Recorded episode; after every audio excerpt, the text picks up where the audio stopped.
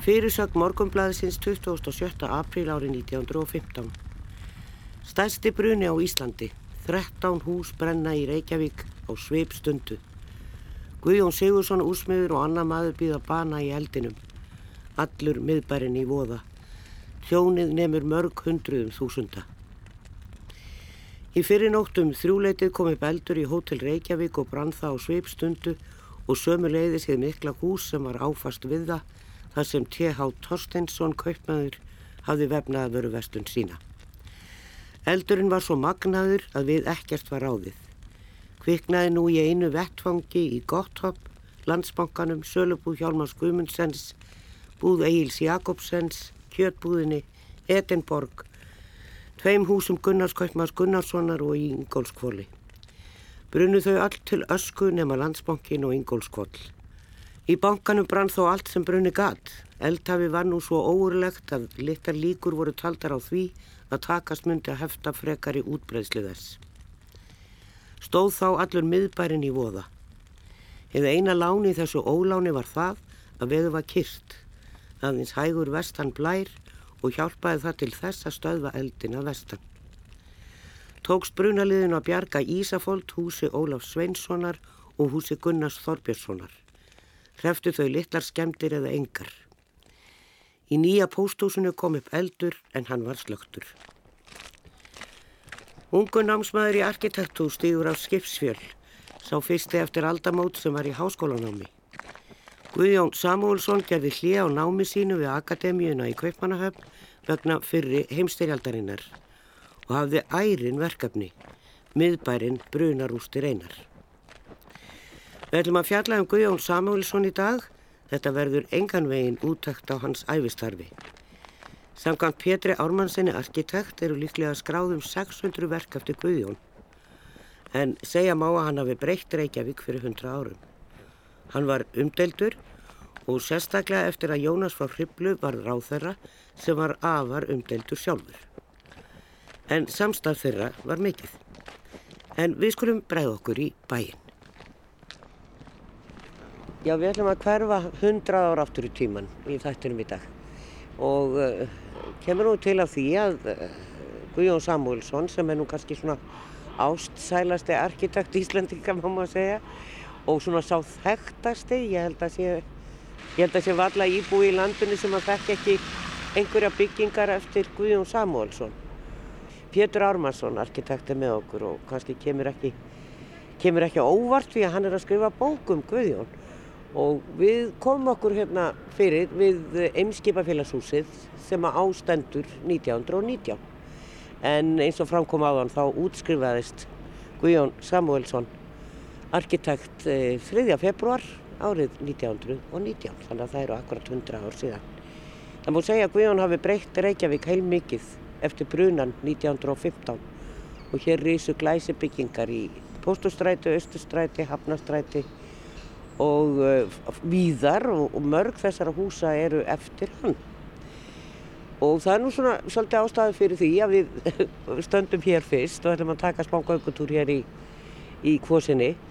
Eh, við horfum hérna út á höfn, Pétur, og þar er umdeilt steinbryggja, það eru endalis umdeilanlega verkefni hér í miðbænum en þetta er orðið með eldstabæjarluta Reykjavíkur hérna í kvosinni. Steinbryggjan, hún verður sínileg. Þú veist að segja mér það, þetta er nú bara svolítið fréttir. Já, það vilt svo, svo gleðilega til að steinbreykjan sko, hún lendir ekki undir húsgrunni, heldur hérna á milli tollstöðvarinnar og, og nýju byggingarna við Hafnatorg í gödustæðinu hér sem verður göngugata að hluta og, og axtursleiðin í bílakemsla að hluta og það stendur til, já, hjá Reykjavík og Borg að gera, grafa frá bryggjunu og gera hana sínilega hérna á kabla sem að mjögst vera mjög gaman, skemmtileg viðbót við þetta og skemmtileg minning vegna þess að Steinbryggjan, hún var hliðið inn í Ísland í, í ár og áratögi og þegar að konungarnir komu hérna, dana konungarnir stigu hér á land í, í, með fríðu förunetti og, og, og allt var hér skreitt og tekið á mótiðum með hátilega aðtöfn þá átti það sér stað hérna á Steinbryggjunni. Þeir komu hérna og marseriðu inn póstúrstrætið og póstúrstrætið var á sínum tíma e, fyrir hundra ánum síðan einn mikilvægasta gatan í bænum. Það er bara búið að gleima því, það hefur svolítið týnst og það er kannski ástæðan fyrir því að það eru svona margar virðulega bygginga meðfram þessari götu, kannski meira en við aðrar götur hérna í kvosinni vegna þess að þetta var í rauninni hliðið inn í landi þegar þú stegst af skipsvöl og, og, og komst til Íslands, komst til höfustæðarins, þá gegstu inn, gengu allir inn postustræti.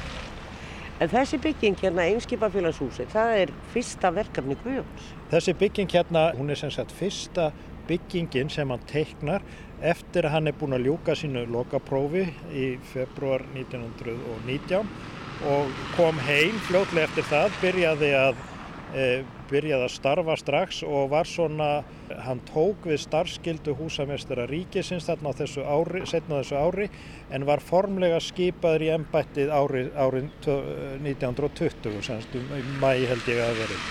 Í þessu millibili þá teiknar hann þetta veglega hús hérna fyrir Eimskipafélag Íslands en áður var hann búinn að teikna þrjú önnur hús hérna í miðbænum.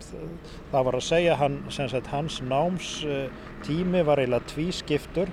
Hann fór út fyrst 1909 og tók svona fyrir hlutan að náminu og lauk honum hérna 1915 í stríðinu og þá kemur hann hingað heim til Reykjavíkur í, í tekur hlið á sínu námi, það var náttúrulega fyrir heimstyrjöldin og er hérna heim í tvö ár, frá 1915 til, til fram, fram, svona framundir, framundir jól 1917.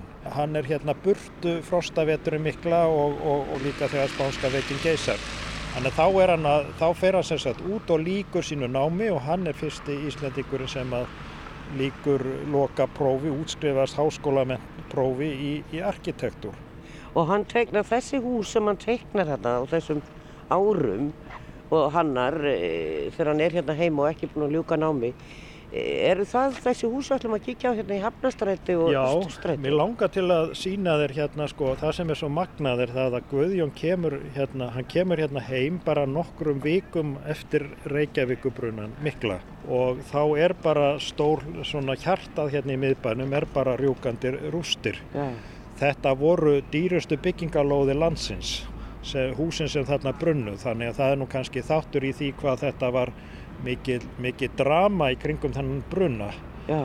að þetta voru svo mikilvæg þarna voru mörg helstu fyrir, fínasta hótelið sem brann eh, fínustu búðirnar og, og, og, og fyrirtæki á borð við eh, Edinborg og Eimskipafélag Íslands. Þau mistu sín, sín húsakinni og landsbankin má ekki gleyma honum þessi, þessi virðulegu fyrirtæki mistu allt sínt hú, húsakinni í þessum bruna.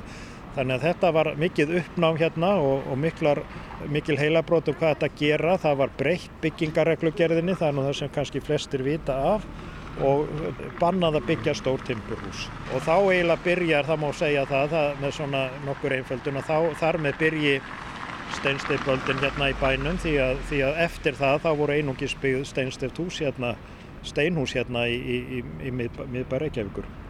Eh, við ætlum að ralla hérna út í Hafnastræti og eh, á þessum fagra vetradegi sem við Pétur erum að taka þennan göngutúr, það er svona göngufælt sumstaðar, ekki alveg allstaðar, mísjaflega hálft á, á köplum. Það er hótel í þessu húsi í dag og innan dýra er, eru náttúrulega verk eftir Ríkar Jónsson sem útskurðaverk sem eru falin núna bak við sem sagt þau eru ekki sínileg ég skil það nú ekki alveg af hverju uh, þessi verk með ekki vera sínileg Það var reyndar sko eftir Stefán Eiríksson minnskerað þarna já, salur nú annari já, hæð. Eimskapafélag Íslands var upphæla bara á, á annari hæð húsins e, Götuhæðin hún var leigð út fyrir ímsa starfsemi þarna voru Rakarastofa sem frækt var búin að vera frá, var þarna mjög lengi Rakarastofa Sigur Óláfssonar og og hérna skóveslun Kvambergsbræðra já, já, já, já og síðan voru alls konar skrifstofur þarna á efri hæðunum og efst upp í Rísi var svo kallega kaupþingsalur sem var lengi notað sem fyrir fyrirlestra og samkomur og fundi í, í Reykjavík áður en að ég held mér að segja bæjarstjótt Reykjavíkur hafi fundað í, í kaupþingsalunum þarna upp, efstu, upp í Rísinu Já, en af hverju er þetta hulið? Er það að því, það er eitthvað slæmt að halda þessu við Já, eða hvað? Það, það, var, það gerðist þegar að, þegar að hérna húsinu var breytt í, úr skrifstofuhúsi í hótel og hótelið heitir núna 1919, það er kent við byggingar ár húsins, áður var merki Eimskipafélagsins þarna upp í, upp í, í, í vegkrónunni og östuhæð. Það var ekki vilji hjá þeim sem átti hótelið á þeim tíma til þess að, að, að halda þessum sal. Það var þannig að hann vildi, eða þeir vildi innrétta þar herbergi, þrjú herbergi viðbót. Og það var þannig frá því gengið að, að sko þiljurnar eru allar til, þar eru þarna bara faldar inn í innan við létta veggi. Já, þannig að það tekur nú ekki nema 1-2 daga að endurheimta þennar sal þegar, þegar vilji verið til þess í framtíðinni. Það voru hugmyndir um að taka þiljurnar niður og setja þær upp í, í, í sjóminjasafninu hérna út á Granda en húsafriðuna nefnt hún lagðist gegn því hún vildi frekar bara eiga af því að þetta er bara svo mikið hlut á húsinu og vildi bara geima þetta fyrir framtíðina, vildi vakna áhuga á því að fá aftur þennan, þennan fallega sal og, og vonandi verður það nú sem, sem, sem fyrst bara.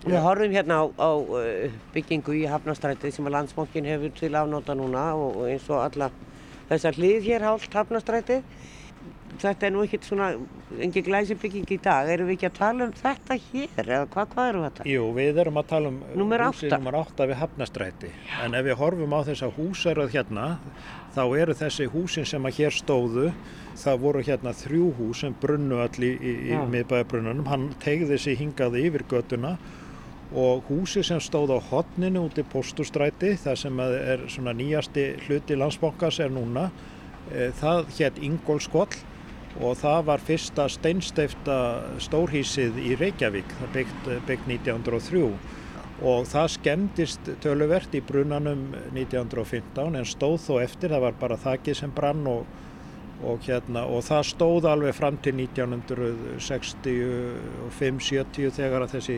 stækkun á bankanum er, er, er kláruð. Nú húsi sem er hérna á milli sem er með þessum heilur, heilur glukkum, þetta er hús sem búið er að eiginlega bæði aukstinga og skrapa af allt skrautið. Það var gert, gerðu Gullnúr Haldósson sem var arkitekt landsbankan sem margar ára skeið. Stóð fyrir þessum breytingum sem eru náttúrulega kannski ekki eitthvað sem henn myndi gera í dag. Nei. En uh, það var gert svona til að fá samrænt útlitt og síðan var sett bætt við hæð og ofan á. En þetta er gamla Edinborgarhúsið, mjög glæsilegt hús sem Einar Erlendsson teiknaði. Þarna var verslunin Edinborg og eh, gott ef að eh, ríkisútvarpið hóf ekki sína byrjaði sinn feril hérna í Edinborgarhúsinu áður að flytti landsímahúsið. Nákvæmlega. Það er eins og mér minni það, ég þóru nú ekki alveg að segja. En húsið hérna nummer 8 sem er á milli Edinborgarhúsins og, og, og húsin sem var búnaðabankin, það er held ég hús sem að fái taka eftir en þetta er Þetta er annað af tveimur húsum sem að Guðjón Samúlsson teiknar hérna á brunalóðunum, fyrstu húsin sem að rýsa á brunalóðunum hérna í miðbænum. Og það var Gunnar Gunnarsson kaupmaður sem að átti þessa lóð og hún nær alveg á milli gatnana, svona svipað og búnaðabokkin og það voru þarna áður, fyrir brunan voru á þessum lóðum tvö þryggjahæða timburhús Já. sem að bæði brunnu til grunna. Og Gunnar Gunnarsson kaupmaður hann, hann ræður Guðjón þarna alveg nýkominn frá skólabekk til þess að teikna ný þryggjahæða steinhús á sitt á hvora lóðina og þau voru, þau voru svipuð í svipuða stærð og svipuð innri gerð og port á milli en það var svona, svona tilbreyð í útlitinu á þeim. Ég hef búin að finna gamla mynda þessu húsi, þetta var mjög fallegt hús með, með svona gamaldags gluggum og svo voru mjög fallega svalir þar sem að er svona í, fyrir, þar sem ingangurinn er fyrir miðju. Það sést nú smá flúr þarna fyrir ofan en þarna voru svaladir og, og mjög fallega svalir í svona eiginlega júkendstíl þetta var allt brotið niður og síðan voru svona venjulegir svona meira já, venjulegir gamaldags búðargluggar hérna á það sem búður að rýfa út alla hliðin og setja svona glerfró. Ég sé hérna fyrir framann okkur er, er svona bílskúsur og já. svona bógadreiði fyrir ofan sem að mann nú gætnan mm. og maður sé til dæmis bara í bankastrætinu og, og víðar þessi, þessi bógar fyrir ofan með smá gluggum fyrir ofan. Voru gluggarnir svona hérna næstu það? Já, já, þetta já. var mjög fallegt hús og þetta, þetta sem að bógin er núna, það var, það var ingangurinn inn í bakportið sem var á milli húsana. Þetta já, var í rauninni já, tvö samtengt hús. En það er munur á þessum húsum þannig að þetta hús var uppalega bara með venjulegu mænistaki en húsið austustrætismegin og við skulum skoða það líka, Já, það var með tveimur svona burstum og, og báru skrauti þarna upp í, upp í, upp í mæni. En, en þetta voru sem sagt svona tvíbura hús og þessi hús risu sko á, þá, þau byggðust aðeins á undan Östurstræti 16 sem við komum nú, munum nú tala um hérna Já. Nathan Olsens húsinu sem var eiginlega, sem að flestir við, þekkja nú sem svona fyrstu stóru byggingu Guðjóns.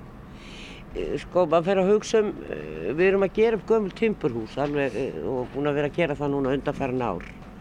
Og ég veit, er það auðveldara eh, þegar maður að þegar maður að hugsa, er, er hægt að setja svona steinhús, svona stórt hús í uppröðlega mynd? Og myndu þá ekki allir bara pissi buksnar yfir kostnaði?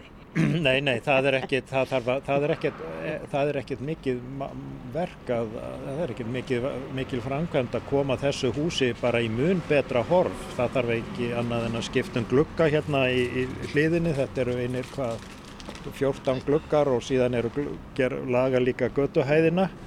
Ég, gaman væri að það var þetta endurheimta svalirnar Já, en efstu hæðina þarf þá einhvern minn að laga að, hún verður nú tröðlega rifin menn rífa nú ekki svo glatt nei, heila hæð nei, sem nei, að nei, komin nei. En, en af hverju ekki? Ég, þetta er ekkert óviræðanlegt að laga uh, annað en sem nú verið gert og, og ég vil nú bara, það er nú kannski ef að, ef að áforminu flutning landsbankars ganga eftir þá ánáttúrulega eftir að vera töluvert breyting á, á nýtingu og öllum þessum húsum. Já. sjálfsagt verða þeim skipt einhvern meginn upp og ég bara, ég held að þetta sé bara verðugt verkefni á næstu árum að, að laga, laga þetta hús. En það sem er svo, mjög svo merkilegt er að þetta er svona hús sem enginn tekur eftir.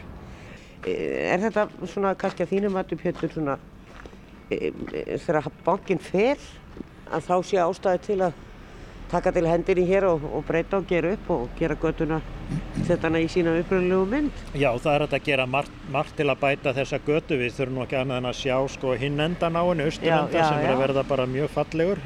Þegar að verða búið að byggja, endurbyggja Hafnarstræti átján, þá verður þetta mjög skemmtileg gata og svo náttúrulega líka vesturendin hérna við Fálkahúsi, þar sem eru svona sólar, einn helsti svona sólarstaður og, og bílaumferðin minguð. Þetta verður örglega mikil hérna breyting og kallar á mikla, mikla hugsun og vand, vöndu vinnubráð þegar að landsbankin flytur úr þessum byggingum. Já, Því að sumar af byggingum bank, sem bankin er í eru náttúrulega bara dýrgripir eins og gamla húsið með gamla bankahúsið í Östustræti með myndum Kjarvals og, og hérna og innréttingum Guðjóns og, og, og, og húsgögnum og, og hérna vegmyndinni hans Jón Stefánsson þetta er bara þjóðar gersemi já, og það er ekkert auðvelt að, ákveða hvað, hvað kemur þar í þau húsakinni.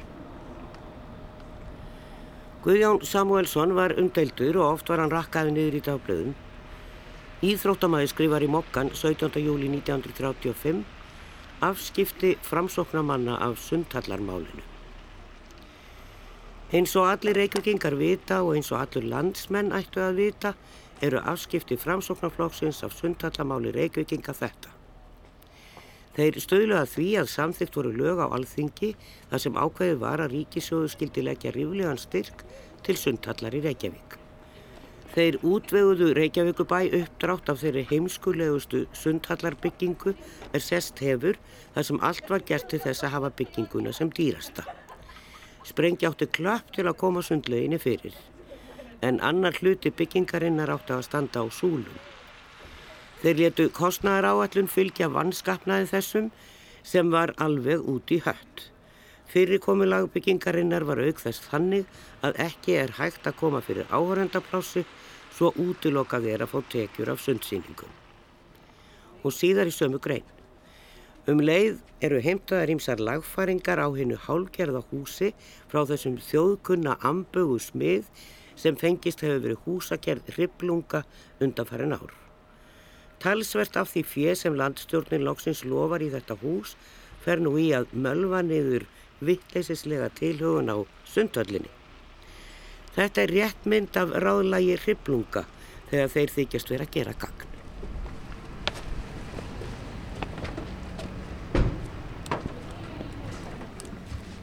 Já, við breytum aðeins til e, þennan daginn og við þættinum í dag og, og setjum ekki í stúdiói heldur ákvaðum við Pétur Ármannsson arkitekt að koma okkur fyrir hér á kaffihúsi. Við sitjum í gamla Simpson húsinu þar sem að Íða bókaverslun og kaffehús er til húsa. Þetta er eh, hérna alveg í, í grófinni, í kvosinni, í gamla bænum, eldgamalt hús náttúrulega sem er búið að flytja til, stóð í Hafnastræti á sínu tíma.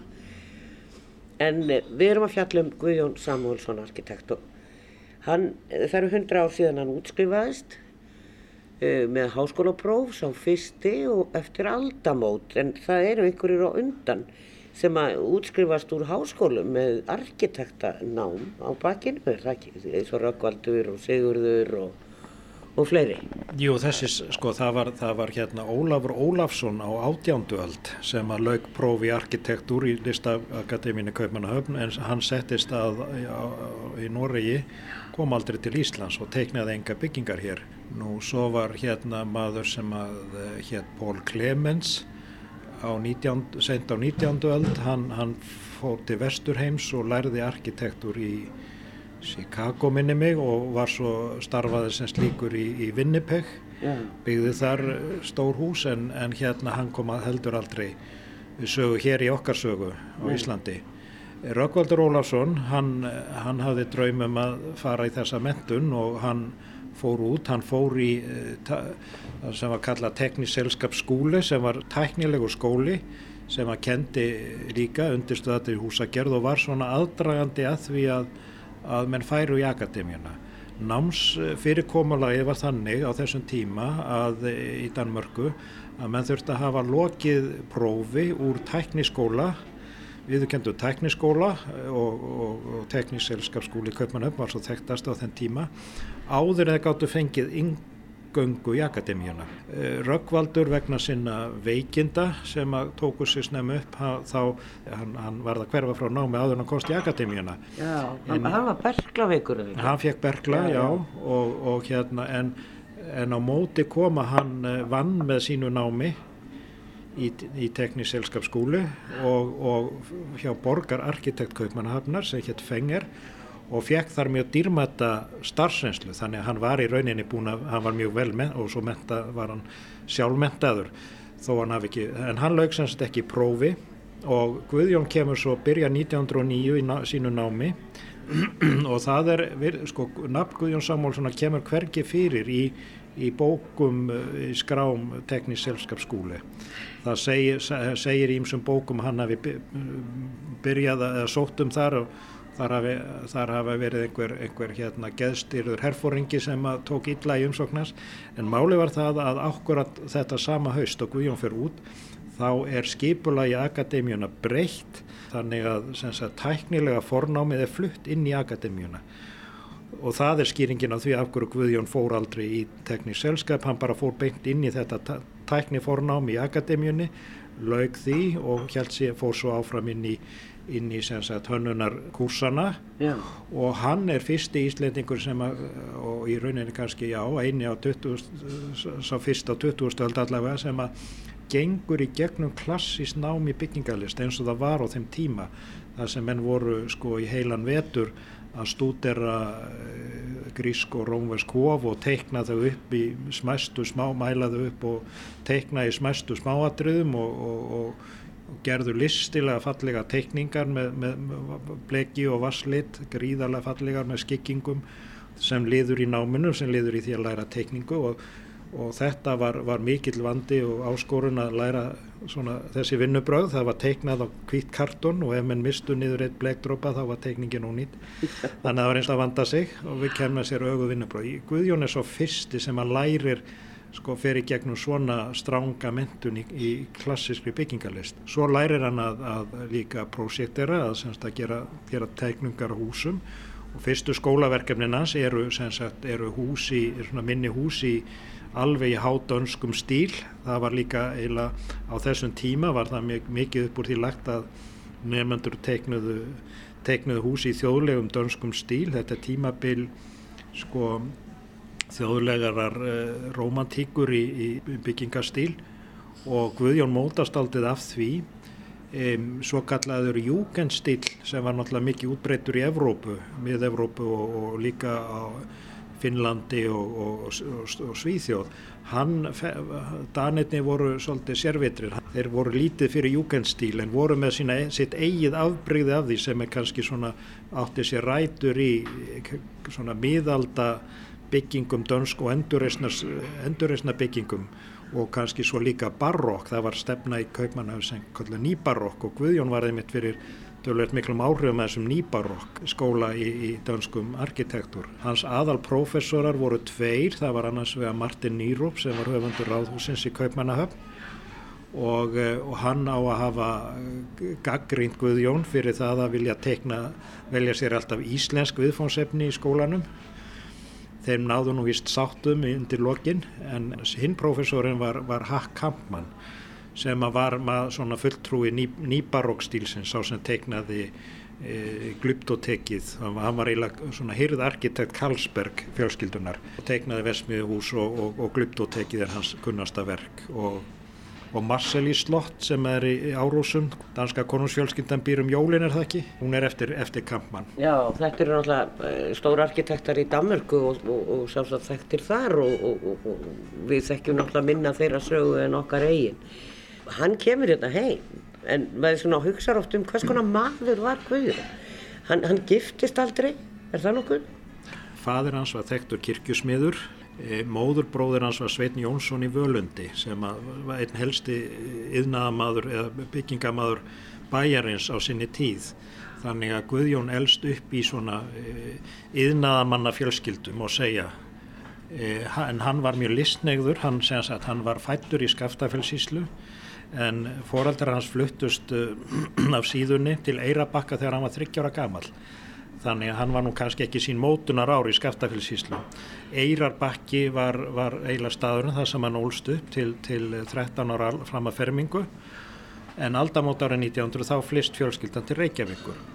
Ég vil nú meina það eftir að hafa kynnt mér þetta svolítið að og það hafi haft töluvert áhrif á hann að, að, að hann hafi verið heppin að því leiti að alast upp á Eirabakka því það var mikið menningar líf á Eirabakka á þessum tíma, það var eitt besti badnaskóli landsins var, var á Eirabakka, eh, þótti afbyrða góður og, og hérna góðir kennarar og svo var líka tónlistin. Fadir Guðjóns var, var hafði, hann smíðaði orgel og spilaði orgel og Guðjón lærir á hljóðfæri og Eirabakka og var alla, alla tíð eh, unnandi tónlistar. Hann átti tvær yngri sýstur en þær deyja báðar og bráðatæringu árið 1907 og það er mikið áfall fyrir fjölskylduna þá bygguðu hérna þá, bygguðu, þá voru þau ekki búin að byggja húsið upp á skólaverustíg en bygguðu í húsi ekki langt frá á njálskötunni hotnun á njálsköt og kárastíg það var mikið áfall þannig að eftir það er Guðjón náttúrulega bara þeirra nánast þeirra enga sonur. Þau ákveða að kosta hann til náms.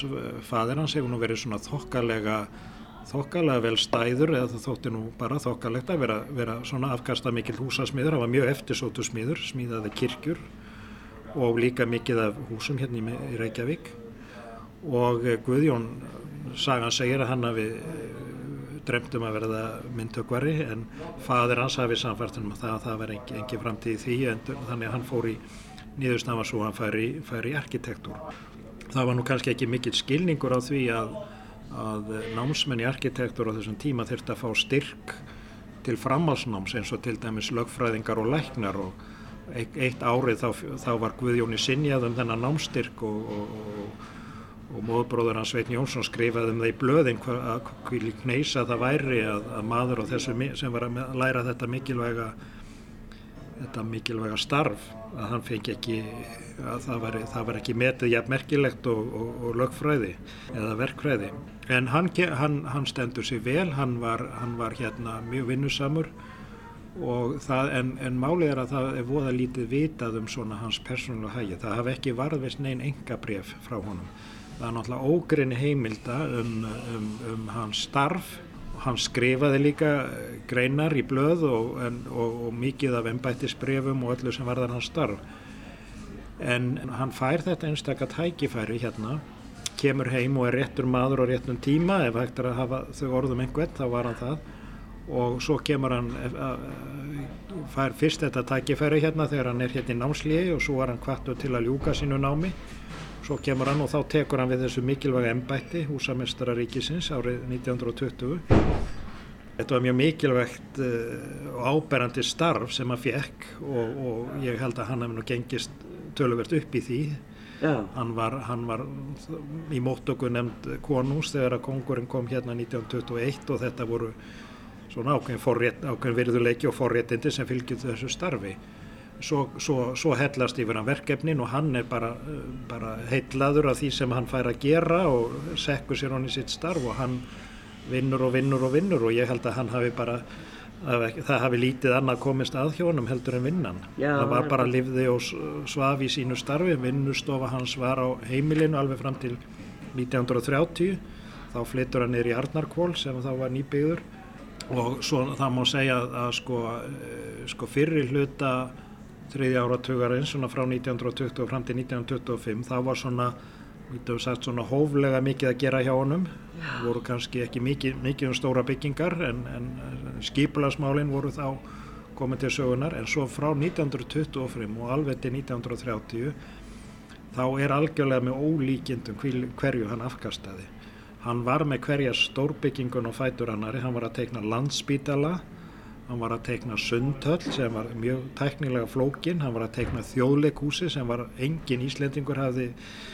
áður teiknað svo flókna og, og, og sér, sérhafða byggingu. Og hann þurfti að fara til útlanda að kynna sér, það var engin þekking hér á landi hvernig þetta leysa þessi hús, hann þurfti að fara, hann fór hvað eftir annað í, í skoðunaferðir og kynnti sér, hann fór með Guðmundi Hannesinni út af landsbítalanum og hann fór með indriða einasinni að stúdira leikhús og, og, svo, og í leiðinni. Þó hann fengi ekki engan pening fyrir það þá var hann að kynna sér nýjustu sundhallinnar á Norðurlandum hann fylgdi skrýðarlega vel með og, og ofan á öll þessi stóru verkefni og svo hér að skólan á kirkjurnar, Landakots Kristkirkju sem var stærsta kirkjalans hann har gerað allt á sama tíma og svo var hann líka undirbúa alþingisáttíðina 1930 þannig að hann eh, sagt, í aðdraganda hennar Eh, með alla þessa miklu pressu og svo blandast náttúrulega inn í að, að, að hérna 1927 verður e, kemst framsóknarflokkurinn og alþjóðuflokkurinn í ríkistjórn og Jónas og Hriblu verður mentamála verður á þeirra og, og sem að þeir voru þeirra samband var, var náið. Jónas bara ómælda virðingu fyrir Guðjóni og og Guðjón eiginlega var að, var að uppfylla hans pólitísku drauma í þessum miklu framkvæmdum og byggingum sem hann stóð fyrir. Og en um leið þá verður Guðjón mjög umdeildur því að Jónas var einhver umdeildast í stjórnmálamæðalansins og þá fara menn, hann lág mjög vel við höggi þannig að það, það, var, það, voru, það var skrifað mjög illa um hann. Menn geta ímyndað sér núna þar sem menn er að segja um, um, um nýbyggingar hérna við Hafnartorg og annað Eh, kannski er Pálmar að upplefa eitthvað svipað en, en, en það var sko, það sem var skrifað um Guðjón Samuelsson á sínum tíma hann var svolítið tættur niður hvað, sko, árum saman fyrir allt sem hann gerði. Það var engin miskun þannig að sko allt þetta hefur áhrif og 1900 sko eftir alþingis, eftir þessa gríðarlegu törn svo skellur allt í hann á heimskreppan og þá er hann bara orðin, orðin þá bara eh, allt árið 1930 eða stóran hlut ársins 1931 þá er hann bara frá vinnu vegna veikinda. Yeah. og hann náði sér aldrei fullkomlega eftir, eftir það. Hann var alltaf, gekk aldrei heilt í skóar e, og, og, og hans, hann var alltaf hlut úr ári erlendis og var að reyna að ná eitthvað, eitthvað af þenn tíma var hann að nota til að, til að reyna að ná, ná aftur betri hilsu en, en hann eftir því sem að eftir því sem að heimildi segja þá var, náði hann sér aldrei eftir þessa gríðarlegu vinnutörn þarna svona á setni árum, senustu 20. árum þá náttúrulega það komu, hann fekk eh, Einar Ellensson var, vann alltaf með honum sem hans aðstofamæður og var mjög mikilvæg hjálpar hella fyrir, fyrir Guðjón sá meðal annars um öll útbóð og bókald og fjárreiður og, og þess sem hann teiknaði líka mjög mikið, reynteiknaði mikið af teikningum. 1935 þá kemur Bárður Íslefsson arkitekti starfa hjá Guðjóni og hann er sem sagt háskólamentaður eh, arkitekt, sá fyrsti sem er ráðinn við hlið Guðjóns og hann var líka mjög mikilvægur aðstofamaður hans. Teiknaði mikið á þessum, þessum millis skólabyggingum, sundl, sundlögum og, og sjúkrahúsum. En seinustu árin sem að Guðjón lifði þá eiginlega innbeitir hann sér að nokkrum að fáum stórum verkefnum. Hann var vann við, þannig að hans hjartansmál var þjóðleikúsið og þjóðleikúsið þar er, sko það má segja með þjóðleikúsið að það var bygging þar sem hann hafði fullkomna listræna stjórn. Hann réð hverju einasta smáatrið í húsinu og í rauninni háskóla byggingunni líka, það má segja það um Akureyra kirkju. Um, hvað var þar nú hans, hans mest áberandi verk sem er Hallgrímskirkja, þá náttúrulega náðan aldrei að gera nema fyrstu teikningar af henni og, og það var til dæmis mjög lítið vitað um hvernig hún ætti að verða, hvernig hann sá fyrir sér hún er það innan. Svo náttúrulega það var ekki byrjað að byggja hann einu marki meðan hann livði þannig að hún er í rauninni kannski verk fleiri manna en bara Guðjóns þó hann hafi mótað þessa áberandi, þetta áberandi form á turninum. Maður veit ekki hvernig hann hefði sjálfur útfært, útfært hana.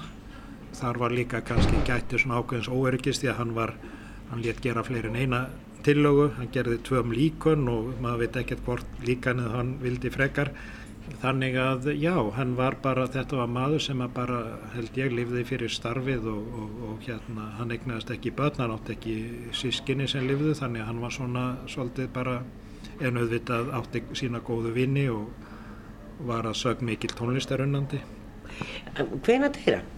Hann deyra árið 1950 ja. og það er mjög, það er mjög dramatísk saga því því að það var verið, hann, það var bara hann, hann deyr bara örfáum dögum eftir vikslu þjóðleikúsins og hann var, eh, hann var sko sárveikur í aðdragandanum að það var verið að ljúka það var mikil tímapressa að klára þjóðleikúsi fyrir, fyrir opnunina og það voru viðnaðmenn að vinna í öllu húsinu og eins og helsan lefði var hann alltaf að líta eftir og gefa fyrirmæl og fylgjast með. Og svo, en svo eh, hérna ofkælist hann, hann fór upp á þak og var að mæla fyrir um ljóskastara og veiktist illa eftir það og, og seinustu vikurnar þá lág hann bara sjúkrabið í landsbytalanum og, og, og þeir sem voru að vinna með hann komu þar og hitt hann þar og hann var að, að spurja hann um uh, seinustu atriðin og hann var það veikur að hann náði ekki að vera viðstatur vikslu húsins heldur heyrðu enduróman af henni útvarpinu. Og svo dó hann bara nokkrum dögum setna þú ákveður að skrifa þessa bókum og, og hvenar, hvenar er hún væntanlega? Þetta er náttúrulega gríðalt verkefni þú lítur að að grúska ansið mikið og, og, og lesa mikið til þess að setja þetta saman og finna allt það myndefni náttúrulega sem að mögulegt er. Já, þetta er búið að vera mjög, mikið verkefni og ánægulegt og gaman að því. Það hefur tekið kannski svona á sér margra ára aðdraganda en, en, en kannski núna síðustu, síðustu eitt og halva árið þá hef ég verið að skrifa meginmálstekstan og gerir mig vonið um að klára núna í, fyrir vorið og, og síðan er, mér nú koma það út á næsta, næsta ári. Já, þannig að það er alveg ári í hana, hún kemur ekki alveg... núna fyrir næstu jól. Nei, hún kemur, það, hún kemur sennilega á árunni 2000, þegar 100 ár verða liðin frá stofnun Embætis húsamestara ríkisins En eh, það má geta þess að það verður líka síning í Hafnaborg núna í, í, í, sent í haust á þessu ári sem verður líka tilenga Guðjóni. Já. Þannig að það verður nú svona eitt og annað gert til að minnast, minnast þessa merka manns. Sagði Pétur um Guðjón Samuelsson arkitekt og eins og þarna kom framlendi hann í slæmu umtali og illdeilum um verksinn. Í vísi í janúar árið 1925 byrtist grein þar sem reynd var að ræða málefnarlega um Guðjón og verkans. Jónis Kjærval skrifa sig fyrir henni en þrýr þá landskunni menn setja nöfn sín ofan við greinina. Og þarna er fjallað um íslenska sveitamennsku og fólk get ekki flúi sjálft sig og ef mentun er hverki sótt sé erfitt að mynda sér réttlátt á skoðun á verkum vel mentaðs manns. Um meðjagrein segir svo. Guðjón Samúlsson hefur um skeiðnum í hér land sem mentaði maður á sínu sviði. Hann fór utan og numdi og sá. En er stíl hans staðbundin eða vísendalegur? Er stíl hans hans eigin eða viðurkenning á gefnum notafum stílum sem algengastur er í stórborgum? Er það eðli Guðjóns að byggja svona eins og hann gerir? Og myndi hann byggja öðruvísi en hann gerir ef hann sjálfur hefði átt það fér sem byggt hefur verið fyrir? Mér vitum það ekki. En hitt vitum mér að mörg þau hús sem byggð hafa verið verður fyrst og fremst til að svara til nótkunnarkildis í það og það skiptið og á mjög takmarkari undurstöðu sem gefin var. En selt verið dýradóma frá ungu bæjarfélagi sem aldrei hafði átt hugsonamann á sögði skipulags bæjarins. Meinlokan í skipulagi Reykjavíkur einmitt nú þegar vakningin byrjar að stórhísi eru byggð á grunnum sem upprunalega voru mældur út fyrir einlift lítil hús eða tvíhæða þegar best létt. Til þess að geta lækna þessa ósamkvæmni þarf annan hugsunarhátt, annan mælikvarða fyrir dýrleik, stærð og lögun loðana. En úr því sem komið er svo hugsun næst að gamle bærin haldi áfram að hýma í syndum sínum og að góðu menn sem hann byggja sjá gallana og styðji að framtíð betra og nýra skeipulags þess sem byggt verður hér eftir. Því arkitektin eitt getur ekki breytt öllu, því sem breyta þarf. Hann myndi geta hýmt aðtunleus heilan þriðjung af mannsæfi ef hann ætlaði að býða eftir að allt væri svo búið í hægin í gefnum borgarlutum sem vera ætti.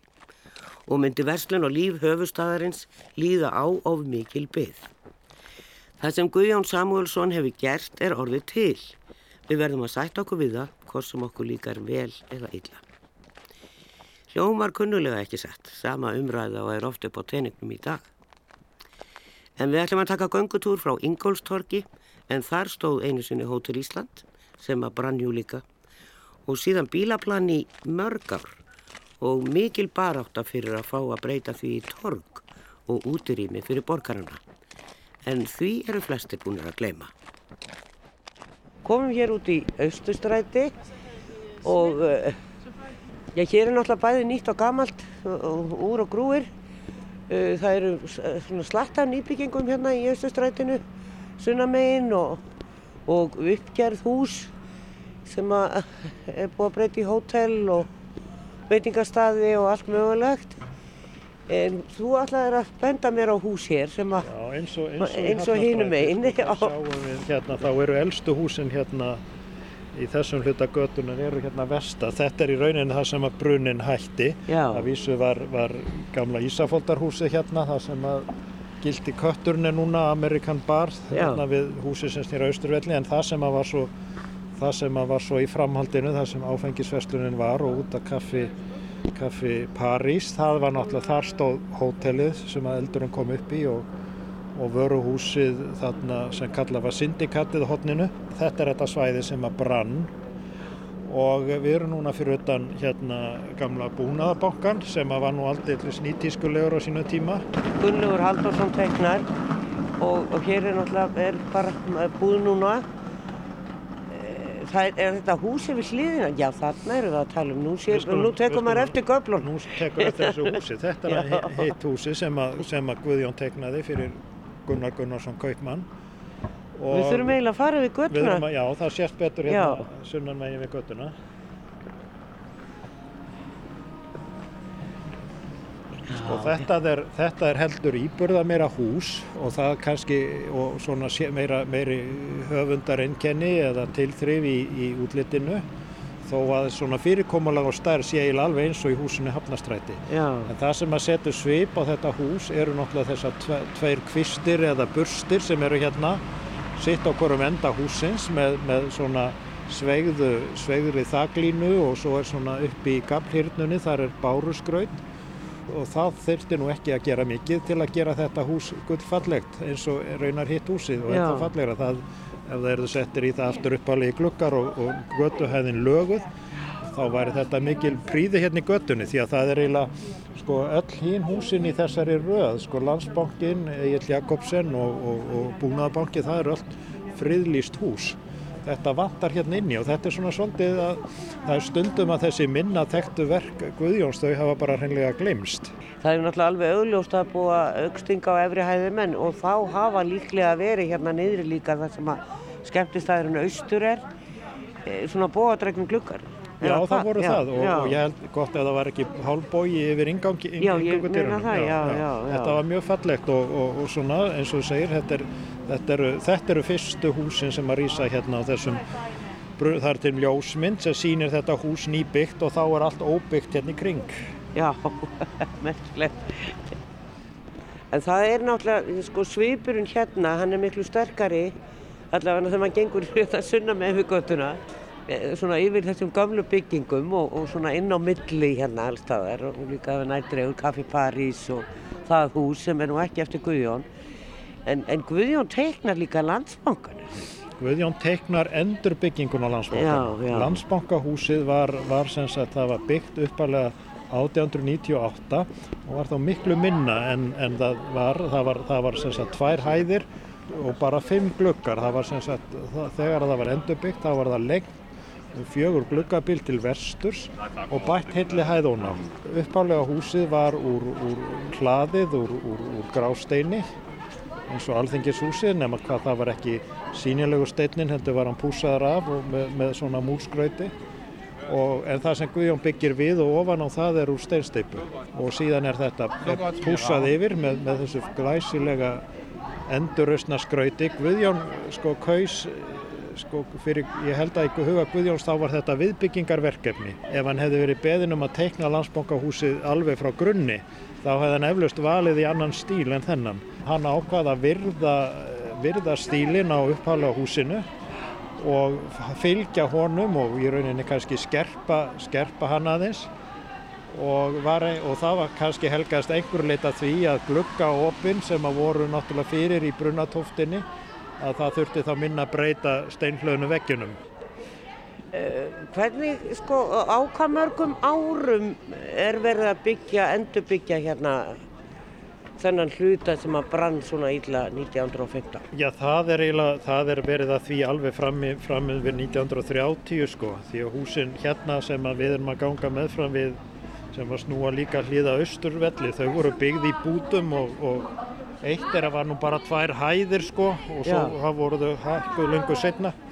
En uh, þetta breyti svip miðbæðarins mjög mikið á þeim tíma og það er eiginlega verið að breyta Reykjavík líka núna til norðurs.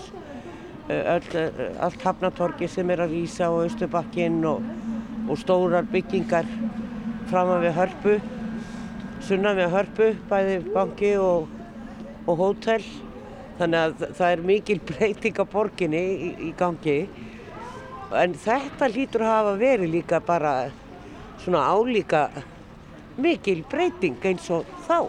Já, það er hérna stór, þetta, ég heldur betur og, og þetta og bara miklu frekar. Það er, það er líka til ás, það eru til gamla ljósmyndi sem sína Östustræti 16 eða sem sagt Reykjavíkur Apotek sem margir kalla svo en var uppalega kent við Nathan Olsen, heilsölu fyrirtækið. Þetta gríðarlega stór hísi og svo bara gömlu, einliftu timburhúsin hérna allt í kring. Þetta var algjör breyting sko, þetta, ekki, þetta var ekki minna, minni breyting en Hafnartorg. Nei.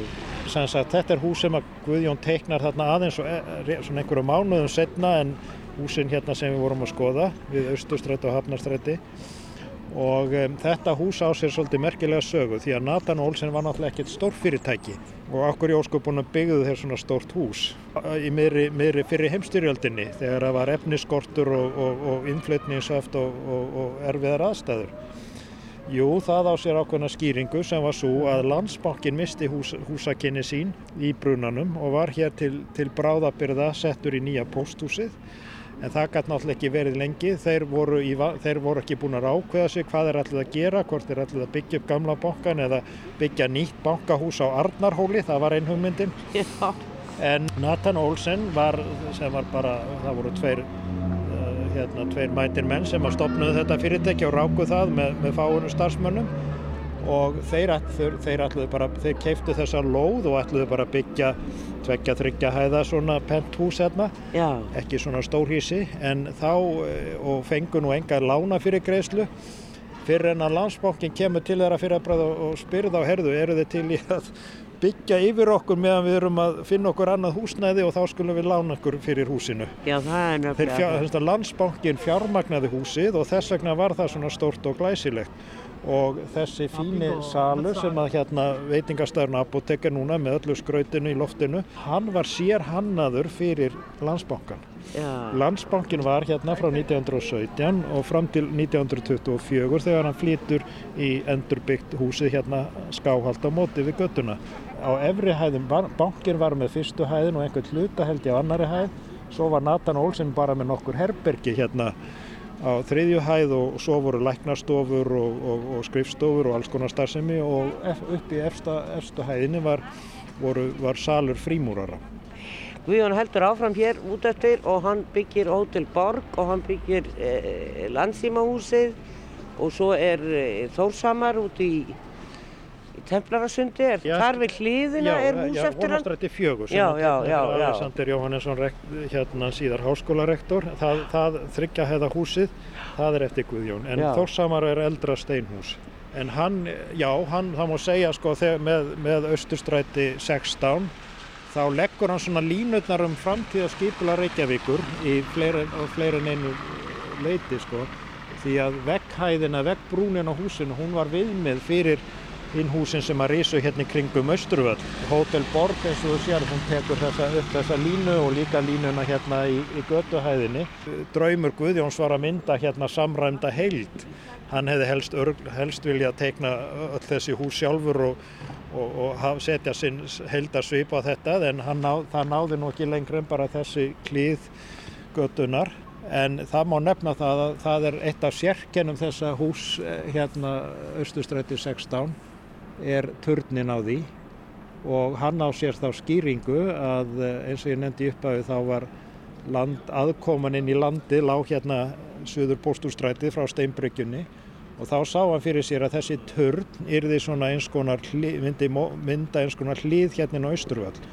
Og hann lýsir því í texta að hann sá fyrir sér að á húsi hérna sem á lóðinu það sem að Café Paris er núna að þar kæmi annar eins turn það eru sem sagt tveir turnar sem myndu mynda hlið þegar að fólk gengi hérna inn í landið og þarna er þarna kveður við alveg nýjan tón í eiginlega mótur þarna, þetta er sem sagt þarna er hann með, með sína mentun að byrja að hugsa um það hvernig megi móta Reykjavík sem höfuborg verðandi fullvalda ríkis með, með fagurfræðilega hugsun að leiðaljósi og sem sagt það sem hann kemur með alveg nýtt er náttúrulega þessi skipularstekking áður fyrir voru menn bara þeir sem voru hér á undan að teikna hús þeir voru bara að hugsa um hvert hús fyrir sig og, og enginn var í rauninni voru, að- það var eiginlega meira verkræðinga sem voru að hugsa um gatnagerð og brunareglur og slíkt en Guðjón það sem nýmæli hjá Guðjón er að hann kemur með þessa stórhuga borgarskipulags sín